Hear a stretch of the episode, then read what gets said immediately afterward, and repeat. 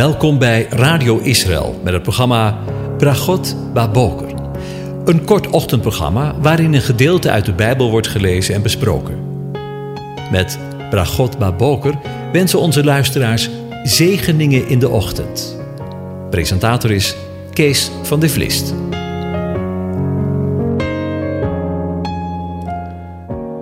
Goedemorgen, Bokatov, beste luisteraars. Vanmorgen denken we opnieuw na over Psalm 104. En ik lees de eerste 17 versen aan je voor.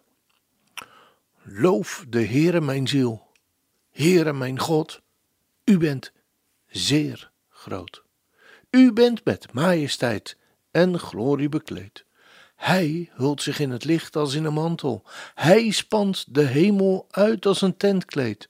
Hij maakt de zoldering van zijn hemelzaal op de wateren, maakt van de wolken zijn wagen en wandelt op de vleugels van de wind. Hij maakt zijn engelen tot hulpvaardige geesten, zijn dienaren tot vlammend vuur. Hij heeft de aarde gegrondvest op zijn fundamenten, die zal voor eeuwig en altijd niet wankelen. U had er met de watervloed als met een gewaad bedekt. Het water stond boven de bergen. Door uw bestraffing vluchtten ze, ze haasten zich weg voor het geluid van uw donder. De bergen rezen op, de dalen daalden neer op de plaats die u ervoor bestemd had. U hebt een grens gesteld die zullen ze niet overgaan. Ze zullen de aarde nooit meer bedekken. Hij wijst de bronnen hun loop naar de dalen, zodat ze tussen de bergen doorstromen. Ze geven wilde dieren, alle wilde dieren van het veld te drinken. De wilde ezels lessen er hun dorst. Daarbij wonen de vogels in de lucht. Hun stem klinkt tussen de takken. Hij bevochtigt de bergen vanuit zijn hemelzalen. De aarde wordt verzadigd door de vrucht van uw werken. Hij doet het gras groeien voor de dieren, het gewas ten gunste van de mens.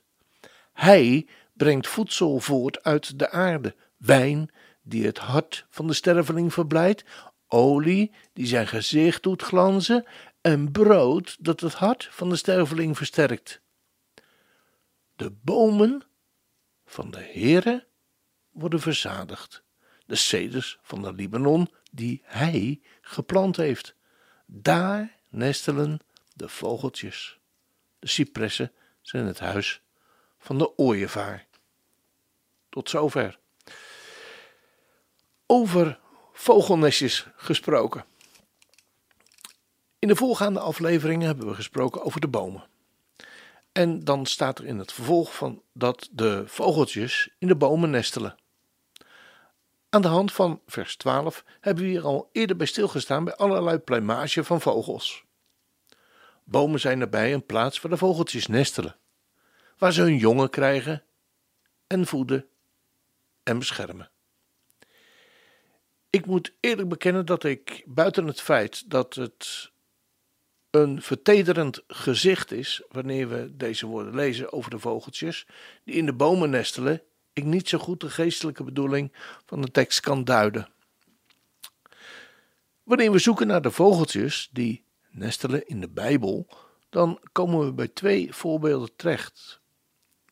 In het boek Ezekiel komen we het eerste voorbeeld tegen waar we lezen dat de Heere, JHWH, de farao vergelijkt met een boom, waarin de vogeltjes zich nestelen op zijn takken. Maar er is bepaald geen sprake van eindgoed al goed, wanneer we de laatste versen van dit dichtelijke hoofdstuk lezen. En ik lees het aan je voor. Met wie bent u dus in luister en grootheid te vergelijken onder de bomen van Ede? En dan spreekt de Heere God tegen Farao, u zult met de bomen van Ede in de onderste plaatsen van de aarde neergestort worden. Te midden van onbesnedenen zult u liggen, met hen die vielen door het zwaard. En het tweede voorbeeld, en voor zover ik kon vinden het laatste voorbeeld, vinden we in Daniel 4. waar een andere grote heerser wordt vergeleken met een grote boom waarin de vogeltjes nestelen. Nebukadnezar. Verhaald in dit gedeelte over de, zijn, zijn tweede droom. Luister maar eens. De visioenen die ik nu op mijn bed voor ogen kwamen, waren deze. Ik keek toe en zie, een boom, midden op de aarde. Groot was zijn hoogte. De boom werd groot en sterk, en zijn hoogte reikte tot de hemel. En hij was te zien tot aan het einde van heel de aarde. Dat is nog eens een boom, zouden we denken. En zijn loof was prachtig. En zijn vruchten waren talrijk. Er zat voedsel aan voor allen. Onder hem vonden de dieren van het veld schaduw. En de vogels in de lucht verbleven in zijn takken. Alle vlees werd door hem gevoed. In de visioenen die mij op mijn bed voor ogen kwamen, keek ik toe en zie een wachter, namelijk een heilige. Hij daalde neer uit de hemel. Hij riep met kracht en zei het volgende: Hou de boom om, kap zijn takken, stroop zijn loof eraf, verstrooi zijn vruchten, zodat de dieren er van onderweg vluchten en de vogels van zijn takken. Wanneer ik deze woorden lees, dan komt de gedachte in mij op dat deze vogeltjes misschien wel denken dat ze daar hoog en veilig in die hoge boom zijn. Maar dat de werkelijkheid is dat deze veiligheid maar zeer ten dele is en er een houdbaarheidsdatum op zit. Eenmaal zullen al deze hoge bomen uiteindelijk vallen. We hebben het in de laatste dagen om ons heen gezien. Misschien moeten we wel concluderen dat wanneer we ons veilig wanen, bij deze grote in de wereld wel eens buiten de waard kunnen rekenen en met een schijnveiligheid te maken hebben. Levensgevaarlijk dus. Nee, dan zijn er wel andere vogels die een beter plekje hebben om te nestelen. Luister maar. Zelfs vindt de mus een huis en de zwaluw haar nest. Waar zij haar jongen legt.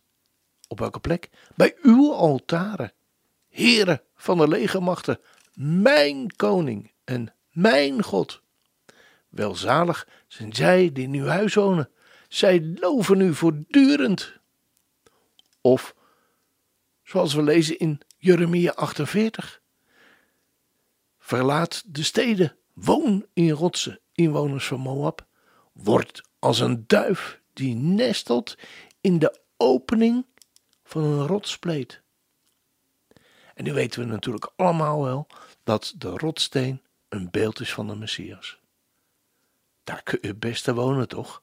Want we lezen in 1 Korinthe 10: En ik wil niet, broeders, dat u geen weet hebt dat onze vader alle onder de wolk waren en alle door de zee zijn gegaan en dat alle in Mozes gedoopt zijn, in de wolk en in de zee en alle dezelfde geestelijke voedsel gegeten hebben en alle dezelfde geestelijke drank gedronken hebben.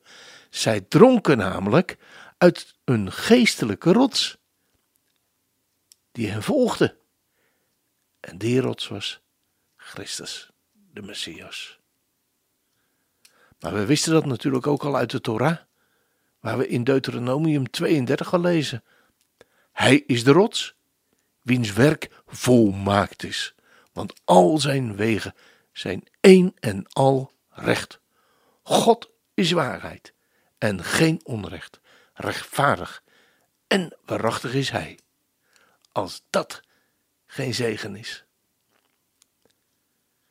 Tijdens de Open Doorsdag in 218 kwamen ruim 8000 mensen bijeen in de jaarbeurs in Utrecht. Het thema van de dag was één in hem. Er waren toespraken van vervolgde christenen uit India, Pakistan en Noord-Korea. En er was ook samenzang, onder meer vanuit Psalm 84. De zang werd begeleid met instrumenten uit India, in aansluiting op de toespraak van een Indiase volganger. We gaan naar luisteren.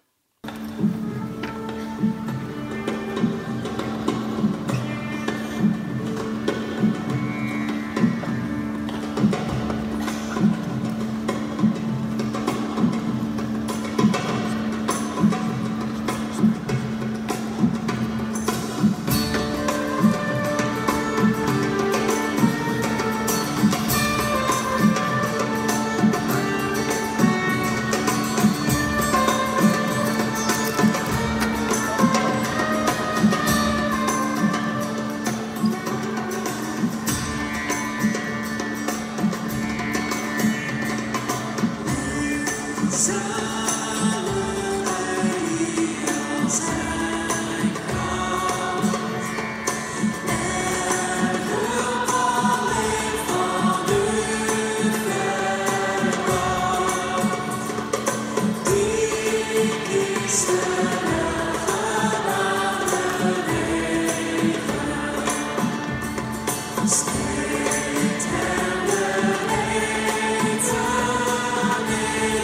song.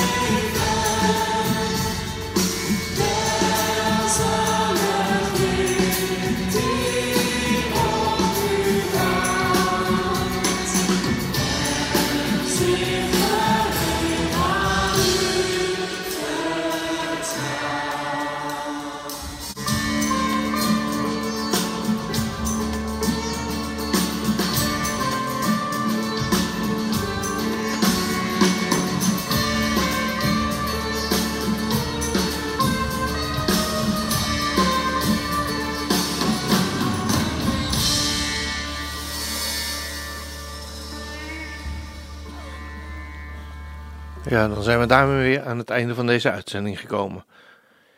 En uh, ik moest nog even tijdens het uh, lied nadenken over, ja, welk nest zoeken wij dan uit? Zoeken we van die hoge bomen uit, wel een uh, denken dat, dat ze daar veilig in zijn, omdat ze groot zijn, omdat ze geweldig zijn of lijken. Maar een zuchtwind, bij wijze van spreken, die blaast de zomer omver. Dat is ook wat. Dan denk je veilig te zijn. Dan kunnen we veel beter ons, ons nest, laat ik het zo maar eens zeggen vanmorgen, uitzoeken dicht bij Hem. Dicht bij zijn tempel, zoals die zwaluwen dat doet. Dan kunnen we altijd genieten van de veilige plek, dicht bij Hem. Dat wens ik je toe ook vandaag. De Heer zegent en hij behoedt je. Hoor je het? Hij behoedt je. De Heer doet zijn aangezicht over je lichten. Hij is betrokken bij je. En geeft je zijn vrede, zijn shalom. Amen.